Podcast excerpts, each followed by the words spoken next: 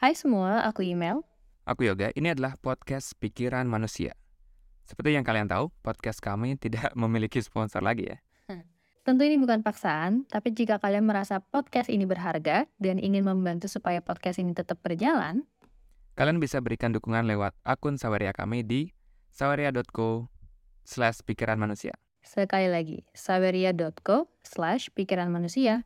Setiap dukungan yang masuk akan digunakan kembali untuk kepentingan podcast itu sendiri. Terima kasih. Oke, kita masuk ke episode kali ini.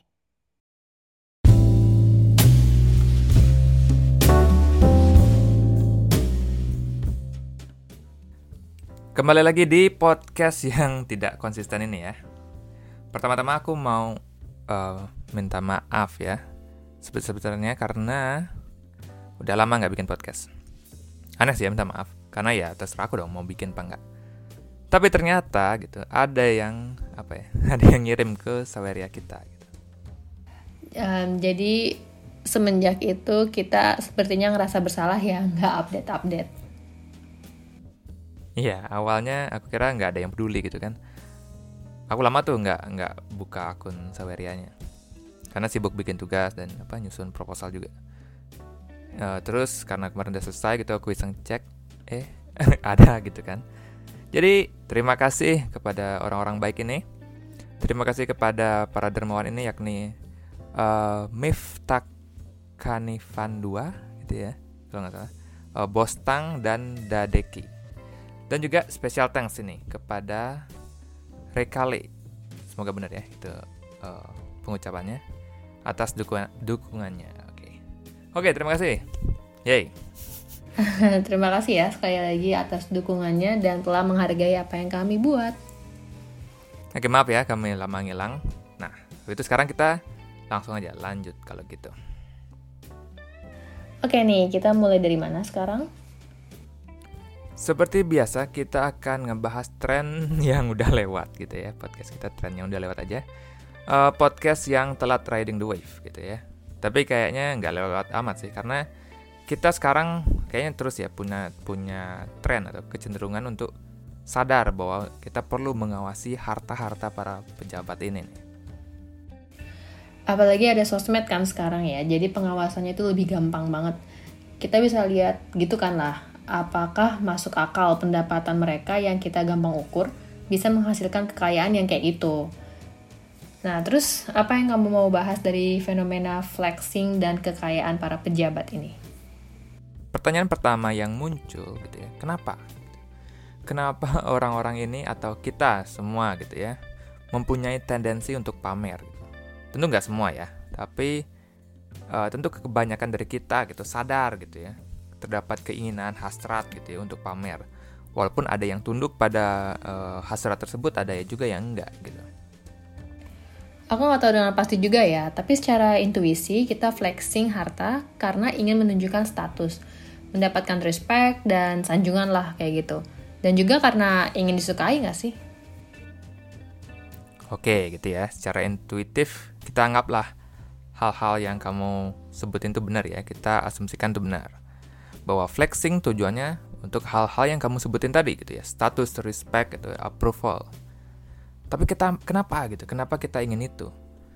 Mungkin karena kita pikir itu bikin hal-hal tersebut gitu ya, bikin kita bahagia. Eh, kan itu ya yang semua orang cari gitu ya, yang semua manusia cari, yakni kita ingin bahagia. Jadi hal yang paling mendasar dari fenomena flexing mungkin bukan masalah etis atau nggak etisnya ya pamer kekayaan. Udah banyak lah ya orang yang bahas mengenai itu. Ada yang bilang flexing itu nggak etis karena tidak menunjukkan kesederhanaan atau kerendahan hati seorang pejabat publik. Tapi ya ada juga yang bilang oke-oke aja flexing selama itu emang duit kerja kerasmu sendiri dan bisa dipertanggungjawabkan gitu kan. Tapi pertanyaannya nih, yang kita ajukan di sini adalah apakah dengan kekayaan yang berlimpah membuat kita lebih bahagia? Nah itu, itu yang akan kita selidiki lebih detail di episode ini. Apa itu kebahagiaan dan bagaimana gitu ya cara mendapatkan hal tersebut. Harusnya menarik sih ya, karena kebahagiaan itu adalah hal yang semua orang kejar gitu, dan mempunyai caranya sendiri untuk mendapatkan uh, kebahagiaan tersebut. Tapi apakah cara yang kita ambil tersebut udah tepat? Atau ada terdapat kesalahan pada cara kita mengejar kebahagiaan itu sendiri? Nah, itu penting gitu ya. Kenapa? Meskipun kita sebagai manusia mencari kebahagiaan, tapi nyatanya banyak yang menderita gitu kan. Tentu penderitaan sumbernya banyak hal, tapi salah satu satunya gitu ya, kemungkinan ya karena kita salah mengartikan apa itu bahagia kita pikir bahagia itu A gitu ya, sedangkan bahagia itu B. Jadi ketika kita sibuk ngejar A gitu ya, padahal sebenarnya yang kita butuhkan untuk bahagia itu ya B gitu ya. Nah di situlah di situlah gitu ya uh, timbul uh, penderitaan. Gitu. Jadi jeng jeng jeng jeng apa itu bahagia? Nah agak susah nih memang untuk mendefinisikan apa itu bahagia. Apalagi karena terdapat dua pemahaman mengenai bahagia gitu. Pertama, kita menggunakan kata bahagia untuk mendeskripsikan kondisi mental kita. Kita mengatakan diri kita bahagia kalau kita kayak makan makanan enak gitu ya. Kita mengatakan diri kita bahagia kalau kita merasa puas akan hidup gitu ya. Kondisi perasaan positif atau merasakan kenikmatan gitu ya kayak makan makanan yang enak gitu ya, nonton konser, nonton Coldplay gitu. Atau nonton stand up comedy misalnya itu adalah bahagia dalam bentuk psikologis gitu ya. Yang kedua adalah bahagia berupa kesejahteraan gitu ya atau well-being. Jadi yang kita lihat pada kebahagiaan versi ini kita melihat keuntungan gitu, benefit apa yang kita dapatkan gitu ya dalam hidup gitu ya. Jadi bahagia dalam artian ini uh, hidup yang lebih sejahtera gitu ya dalam finansial, kesehatan, ya berhasil gitu ya ngedapetin apa pun yang kamu pengen dalam hidup gitu. Jadi ada dua versi bahagia gitu. Nah, jadi arti kebahagiaan mana yang kita omongin sekarang nih? Bahagia dalam artian kondisi mental atau bahagia dalam arti kesejahteraan tadi? Nah, kita akan uh, lihat masing-masing versinya, keduanya. Tapi pertama kita lihat dari versi pertama gitu ya, yakni bahagia dalam atau apa? Sorry, yakni bahagia sama dengan gitu ya, pleasure gitu ya, atau keadaan di mana uh, mental maupun kondisi mentalmu mendapat kenikmatan, gitu, kesenangan. Tentu salah satu teori kebahagiaan yang muncul di pikiran kita adalah uh, hedonisme. Tapi kita mungkin harus klarifikasi sedikit nih, apa yang kita maksud dengan hedonisme. Karena penggunaan kata hedonisme di masyarakat kan udah beda nih ya, dengan apa yang filsuf maksud. Kita kan biasanya ngedengar kata hedon tuh ya otomatis nih dalam pikiran kita nganggapnya kayak kegiatan mencari kesenangan tubuh aja gitu, kayak mabok dugem narkoba. Ya karena kan emang kegiatan tersebut menimbulkan kebahagiaan. Bagi orang-orang ada perasaan nikmat dan senanglah dalam melakukan kegiatan tersebut. Iya, tapi sebenarnya para hedonis gitu ya tidak harus cuma mikirin party gitu, mabok gitu ya. Karena faktanya uh, orang yang berpandangan hedonis, hedonisme gitu ya, bisa tidak setuju dengan kegiatan party atau mabok gitu ya. Kenapa? Ya karena gimana kalau orangnya uh, introvert gitu misalnya dan nggak suka keramaian dan datang ke pesta nggak bikin dia bahagia gitu dan mabok misalnya meskipun terdapat kenikmatan gitu ya pada saat maboknya tapi kalau kamu nggak suka lebih nggak suka gitu ya hangover di esok paginya gitu ya mungkin kamu menganggap kenikmatan yang diberikan apa ya minuman beralkohol tidaklah setimpal dengan uh, pusingnya hangover keesokan harinya gitu jadi hedonisme bukanlah pandangan yang uh, semata-mata gitu ya mencari kenikmatan duniawi aja gitu. Tapi hedonis memang gitu ya melihat pleasure gitu, kesenangan adalah hal yang terpenting. Berarti menjadi seorang hedonis tuh nggak mesti harus mencari kenikmatan yang kerasa langsung gitu, kayak narkoba atau alkohol gitu. Mereka bisa menimbang hasil akhir dari suatu tindakan, apakah emang memberi kesenangan jangka panjang atau hanya kesenangan uh, apa jangka jangka pendek aja nih gitu. Dan hedonis yang menganggap kesenangan adalah yang terpenting di hidup ini, pasti memilih kesenangan yang jangka panjang dong. Nah itu ya, jadi jelas ya kalau hedonis gitu ya, yang kita bahas di sini tidaklah orang-orang yang uh, orang-orang kayak orang-orang hedon yang ada di pikiran pada orang pada umumnya gitu ya. Jadi jadi gimana nih menurutmu hedonisme gitu ya? Apakah sebuah teori yang cocok untuk mendeskripsikan atau menjelaskan apa itu kebahagiaan jadi apa jadi feeling good aja gitu ya Hmm, ya hedonisme tuh kelihatannya menarik sih dan masuk akal menurutku. Makhluk hidup mana pun akan mencari kenikmatan dan menghindari rasa sakit gitu kan, nggak terkecuali kita manusia. Jadi tentu kita bahagia ketika mendapatkan kenikmatan gitu kan. Berarti mungkin kebahagiaan ya memang um, di saat kondisi mental kita mendapat kenikmatan dan nggak lebih dari itu. Tentu yang aku pilih adalah kenikmatan jangka panjang ya, bukan yang awalnya nikmat tapi ngerusak belakangan gitu kayak hangover tadi gitu.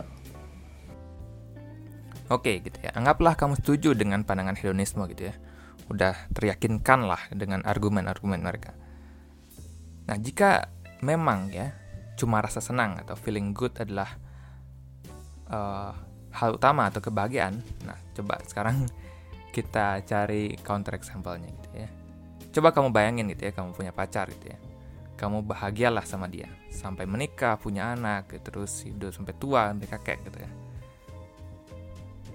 Perasaan yang kamu alami uh, sama dia selalu senang lah, selalu bahagia. Tapi ternyata gitu ya, selama itu dia sebenarnya punya selingkuhan gitu ya. Dan dia jago banget gitu nyembunyiinnya. Sampai kamu nggak tahu gitu ya. Gimana gitu ya. Jika kamu setuju dengan hedonisme, pasanganmu uh, punya selingkuhan itu nggak masalah dong sebenarnya asal kamu nggak tahu gitu kan jadi bisa nggak kamu bilang kamu apa ya bahagia di sana atau gimana hmm ini tuh kayak sama kayak kita bahas experience mesinnya Robert Nozick ya. Kita nggak mau masuk ke mesin yang hanya membuat seolah-olah kamu merasa bahagia.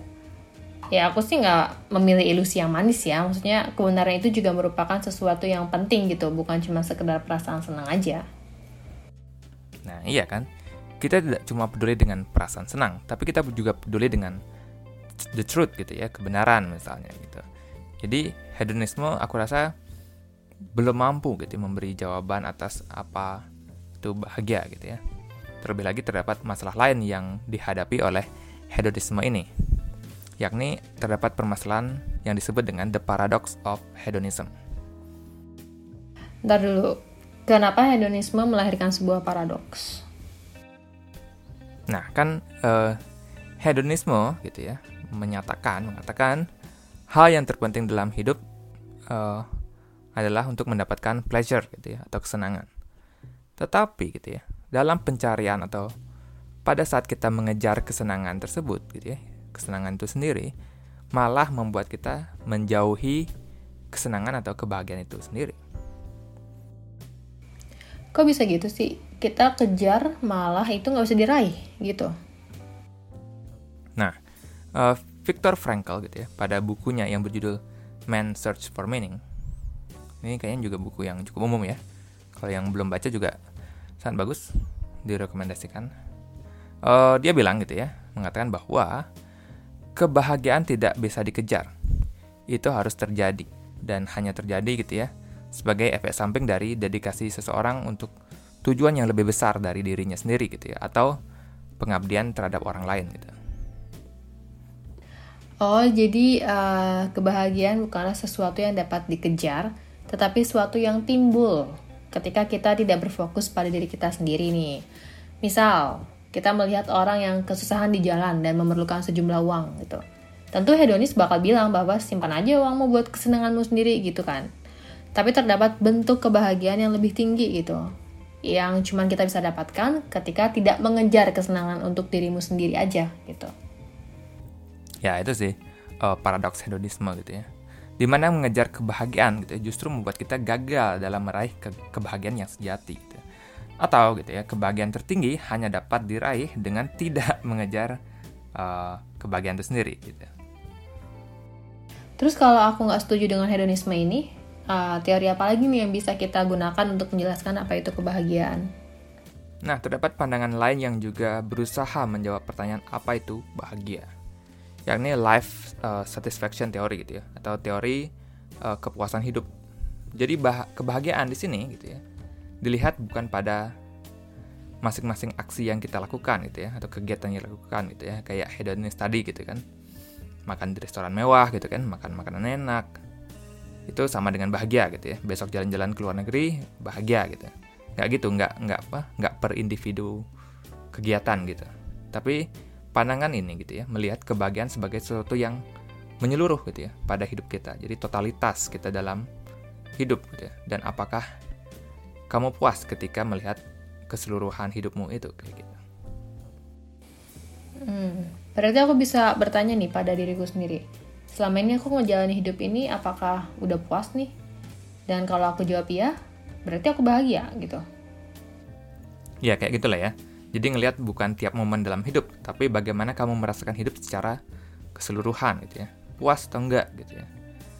Berarti bukan persoalannya banyak-banyakan momen menyenangkan gitu ya, tapi distribusi atau pemerataan kesenangannya gimana gitu ya. Jadi dalam pandangan ini gitu ya, happy ending itu bisa lebih berharga daripada happy cuma di tengah-tengah doang kayak gitu. Ya sounds good sih. Jadi kebahagiaan itu aku yang nentuin nih dan nggak perlu ngelihat standar kehidupan orang lain untuk merasa puas gitu. Tapi tentu pandangan ini kan nggak terlepas dari masalah dong. Pasti ada dong. Ya, iya dong. uh, justru gitu ya, permasalahan yang membuat pandangannya agak membingungkan. Uh, ya, yang kamu bilang itu sendiri gitu ya. Tentang kamu yang menentukan kepuasan itu gitu. Orang bisa mengatakan bahwa mereka puas dengan hidupnya meskipun selama menjalani hidup ini gitu ya. Terdapat banyak penderitaan dan kesedihan gitu ya. Dari kecil bisa misalnya sakit-sakitan, terus secara karir gitu-gitu aja mandek gitu ya. Terus banyak tragedi-tragedi lain dalam hidupnya. Tapi pada akhirnya di hidupnya dia bilang puas dalam hidupnya gitu. Jadi itu kan agak aneh gitu ya karena di akhir doang dibilang puas gitu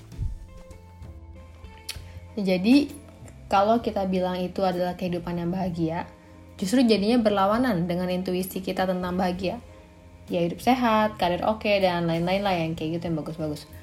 Ya tapi orang bebas dong bilang itu adalah kehidupan yang bahagia baginya. Dia nggak peduli dengan kejadian-kejadian tertentu pada hidupnya. Tapi menimbang-nimbang keseluruhan hidupnya nih.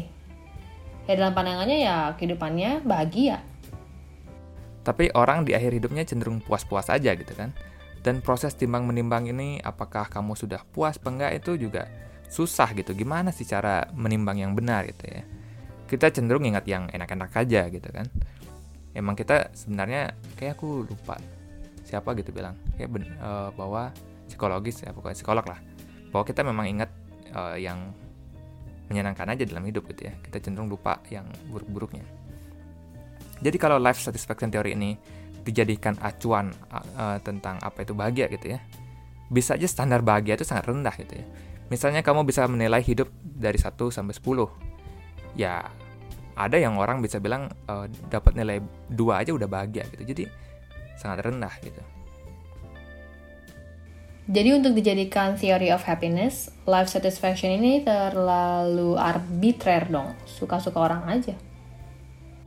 Iya, dan juga tingkat bahagia bisa dipengaruhi oleh situasi juga gitu ya. Misalnya kamu merasa hidup lebih bahagia ketika kamu habis datang ke pemakaman, eh kok ketawa sih? Habis datang di pemakaman temanmu misalnya. Tapi kamu bisa aja merasa tidak puas dalam hidup ketika habis datang dari reuni SD gitu ya, di mana teman-temanmu pada sukses semua gitu. Jadi sangat situasional gitu. Cukup bertentangan ya pandangan hedonism dan life satisfaction ini dan kalau terus didebatin bakal jadi panjang banget. Tapi mungkin kira-kira nih basic argumennya kayak gitu. Dan kedua pandangan tersebut juga memiliki permasalahannya masing-masing. Jadi meskipun kita belum benar bisa menjawab pertanyaan apa itu kebahagiaan, mungkin mengajukan pertanyaan lain. Daripada sibuk ngedebatin definisi, mungkin kamu bisa bantu jelasin how to get happiness atau sumbernya deh. Sumber kebahagiaan, gimana kita bisa meraih kebahagiaan. Karena orang nggak peduli definisinya dong, yang penting kan dapat bahagianya. Mau definisinya gimana kek? Tentu banyak sumber kebahagiaan ya. Tapi aku coba uh, kerucutkan gitu menjadi persoalan mengenai apakah uang atau kekayaan uh, dan kebahagiaan itu berhubungan gitu. Apalagi kita kan memang lagi bahas masalah oknum-oknum gitu ya. Harus ingat nih sekarang kita pakai oknum gitu. Ya. Oknum pejabat yang korupsi untuk mendapat kekayaan yang melimpah. Tentu mereka korupsi karena mereka merasa sumber kebahagiaan adalah uang gitu. Tapi apakah benar begitu gitu ya? Nah, itu yang kita perlu selidiki sekarang. Nah, intuisi kita bakal bilang dengan uang kita bisa membeli barang yang kita inginkan gitu kan kayak rumah, kendaraan, kebutuhan pokok, bahkan barang-barang mewah lah yang sebenarnya nggak perlu-perlu banget gitu kan. Tapi tentu nih kita tahu bahwa terdapat narasi yang mengatakan kalau nggak semuanya itu bisa dibeli dengan uang. Ya kayak pertemanan atau hubungan romantis lah kayak kita nih dengan pasangan. Yeah. Jadi gimana menurutmu hubungan antara uang dan kebahagiaan? Tentu uh, kedua pandangan tersebut ada benarnya gitu ya bahwa uang kalau kita ngerti gitu cara makanya ya yang benar gitu ya akan bisa bikin kita bahagia gitu ya. Tapi perlu diingat juga terdapat hal di dunia ini yang tidak semudah itu bisa dibeli dengan uang. Jadi yang perlu diingat adalah hanya gitu ya karena terdapat pandangan yang berbeda gitu bukan berarti salah satunya salah gitu ya. Dua hal gitu bisa benar di saat yang bersamaan kok gitu. Nah, yang menarik bukan bukan itu, bukan tentang apakah uang bisa membeli kebahagiaan.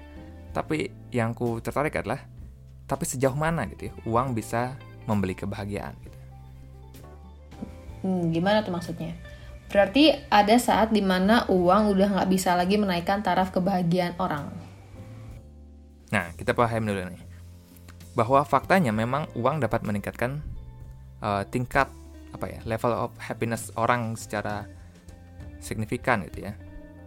Ten, uh, tentu tepat kepada orang-orang yang bahkan belum mampu memenuhi kebutuhan pokok uh, pokoknya untuk hidup kayak gitu iyalah dari rumah gubuk gitu kan. Jadi punya rumah yang kayak yang layak lah ya nggak usah mewah. Atau dulunya makan cuma sehari sekali sekarang bisa makan tepat waktu tiga kali sehari gitu kan. Itu kan pasti peningkatan kebahagiaannya tinggi banget dong. Dan itu kan semua berkat uang. Ya iya. Dan juga ada riset gitu yang dilakukan oleh Daniel Kahneman gitu ya. Peraih Nobel dan juga penulis buku gitu ya, Thinking Fast and Slow gitu ya, yang mungkin udah pada tahu juga kan. Uh, dia menemukan bahwa di Australia gitu ya, meskipun terjadi peningkatan pendapatan gitu ya, penghasilan dari 2001 ke 2019 gitu ya. Justru gitu ya, tapi justru gitu ya, ternyata tingkat kebahagiaannya justru turun gitu.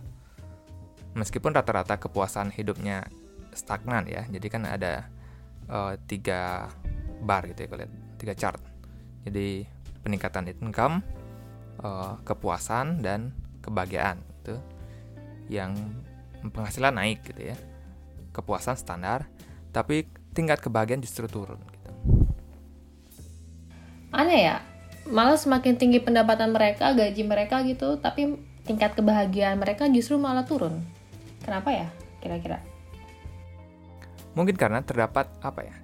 diminishing apa ya marginal returns gitu ya antara jumlah yang kita hasilkan gitu ya dengan tingkat uh, kebahagiaan yang kita dapatkan gitu. Hmm, apalagi tuh diminishing marginal returns. Nah, jadi uh, dalam ekonomi gitu ya, hukum diminishing marginal returns itu mengatakan bahwa ketika sebuah tingkat optimal itu diraih gitu ya, semakin kamu nambah modal gitu ya, semakin kecil juga outputnya ya kayak mungkin ya pakai contoh aja gitu ya. Misalnya uh, kamu biasanya beli es krim 2000 rupiah di abang-abangan es krim gitu ya. Uh, bukan bukan es krim ya kayak es serut gitu lah ya. Yang es remuk dikasih gula. Nah sekarang kamu beli nih uh, belanja es krim 8000 rupiah gitu ya dari Mixway. Apa sih bacanya? Mixway? Mixway. Ya Mixway. Ya gitulah ya dapat es krim cone vanilla gitu ya. Rasanya jauh gitu ya, lebih enak. Tingkat kebahagiaanmu jauh naik gitu ya. Uh, hanya dengan menambah 6000 rupiah. Nah tapi anggaplah kamu pengen meraih kebahagiaan lebih tinggi lagi gitu ya. Udah bosan lah, dengan yang uh, misway gitu. Kamu harap dengan spend 6000 lagi kamu bisa mendapatkan uh, kenaikan sesignifikan tadi gitu ya nyarinya es krim 14 ribu. Nambah 6 ribu lagi. Tapi enggak ternyata enggak jauh-jauh beda amat gitu sama Misue kamu perlu spend lebih banyak lagi gitu. Misalnya sampai 30 ribu baru ngerasain nambah lagi dikit gitu ya. Walaupun nggak sesignifikan tadi tapi nambah ya nambah. Terus pengen lagi naikin. Terus kayak gitu gitu Jadi kamu nanti nyari es krim tuh harga 90 ribu, terus naik 200 ribu, sampai sejuta pun. Tapi peningkatannya tuh nggak sesignifikan dari es root ke mix sweet tadi ya. Ya, bisa dibilang tingkat optimalnya ada di mixed tadi. Sisanya kamu perlu apa ya semakin banyak uang yang kamu perlu keluarkan untuk ningkatin kebahagiaan gitu. Nah itu juga dalam dengan kehidupan itu. Ya. Jika kamu sudah apa ya memenuhi semua kebutuhan hidupmu gitu, sudah mampu memberi apa ya semua bahan pokok gitu ya, ya kamu bahagia mungkin udah optimal di sana gitu ya. Dan jika mau lebih bahagia dari itu mungkin lebih banyak lagi yang perlu dikeluarkan uh, gitu ya, uang yang perlu dicari. Gitu. Nah, Daniel Kahneman gitu ya, bilang optimal income di US gitu ya, yakni uh, 7.500 eh sorry 75.000 dolar atau uh, eh, 1,1 miliar per tahun gitu ya pendapatannya. Nah, lebih dari itu tidak ada peningkatan uh, level kebahagiaan yang signifikan gitu ya. Buset, tapi di Indonesia standarnya nggak segitu kali ya. Jadi kita bisa simpulkan nih, uang atau kekayaan berperan penting memang untuk membuat kita bahagia. Tapi hanya sampai batas optimalnya. Sisanya ya nggak benar-benar ningkatin. Nah itu poin utamanya gitu ya. Tentang hubungan uh, uang dan kebahagiaan. Kalau kita coba kaitkan lagi kepada apa ya oknum-oknum pejabat ini yang ngambil uang sampai triliunan bahkan. Kayak apalagi kasus apa ya Menkominfo terbaru ini gitu ya aku jadi penasaran gitu nggak ngerti gitu motivasinya apa gitu karena tingkat kebahagiaan mereka dengan uang triliunan triliunan itu tidak tidak akan naik gitu ya menarik sih nih apakah orang-orang itu terlalu berfokus pada konsep hedonisme untuk meraih kebahagiaan sehingga kesannya kebahagiaan harus selalu dikejar? Ya ini susah sih dijelasin karena ini bukan cuma tentang apa ya mengambil keuntungan untuk diri sendiri aja gitu ya tapi ada unsur politisnya gitu ya. Unsur apa ya balik modal lah setelah kampanye terus partai politik yang narikin uang ke kader-kadernya mungkin. Ya aku nggak ahli politik ya jadi jangan jangan dianggap serius omonganku tapi kira-kira kayaknya gitu sih kayaknya sih gitu gitu kan. Intinya rumit lah di sana. Uh, tapi yang aku sadari gitu ya setelah uh, uh, ada yang support di Saweria gitu misalnya. Itu apa ya bukan tentang nominal uangnya gitu ya, melainkan kebahagiaan kebahagiaannya didapat dari rasa dihargai gitu ya. Ada yang menganggap apa yang ku bikin, apa yang kita bikin gitu ya, berharga dan penting gitu ya. Level bahagianya mendapatkan support kayak gitu itu lebih tinggi daripada uangnya kayak gitu. Betul banget nih, dengan adanya Saweria, uh, kita jadi tahu nih ada yang peduli dengan apa yang udah kita buat dan perjuangin gitu mungkin gak banyak tapi setidaknya ada gitu ya kan ada kan pasti terima kasih sekali lagi buat supporter podcast pikiran manusia ini oke mungkin itu dulu ya tentang uh, kebahagiaan gitu ya, kekayaan gitu ya dan flexing. Uh, untuk episode ini thank you udah uh, mau dengerin. Terima kasih juga buat supporter supporter kita. Ayo kita semua gitu ya yang belum yuk kita meraih uh, tingkat bahagia yang optimal kayak gitu ya. Oke. Okay. kirain mau bilang yang belum nyawer apa? Oke okay, aku email. Aku yoga. Bye. Bye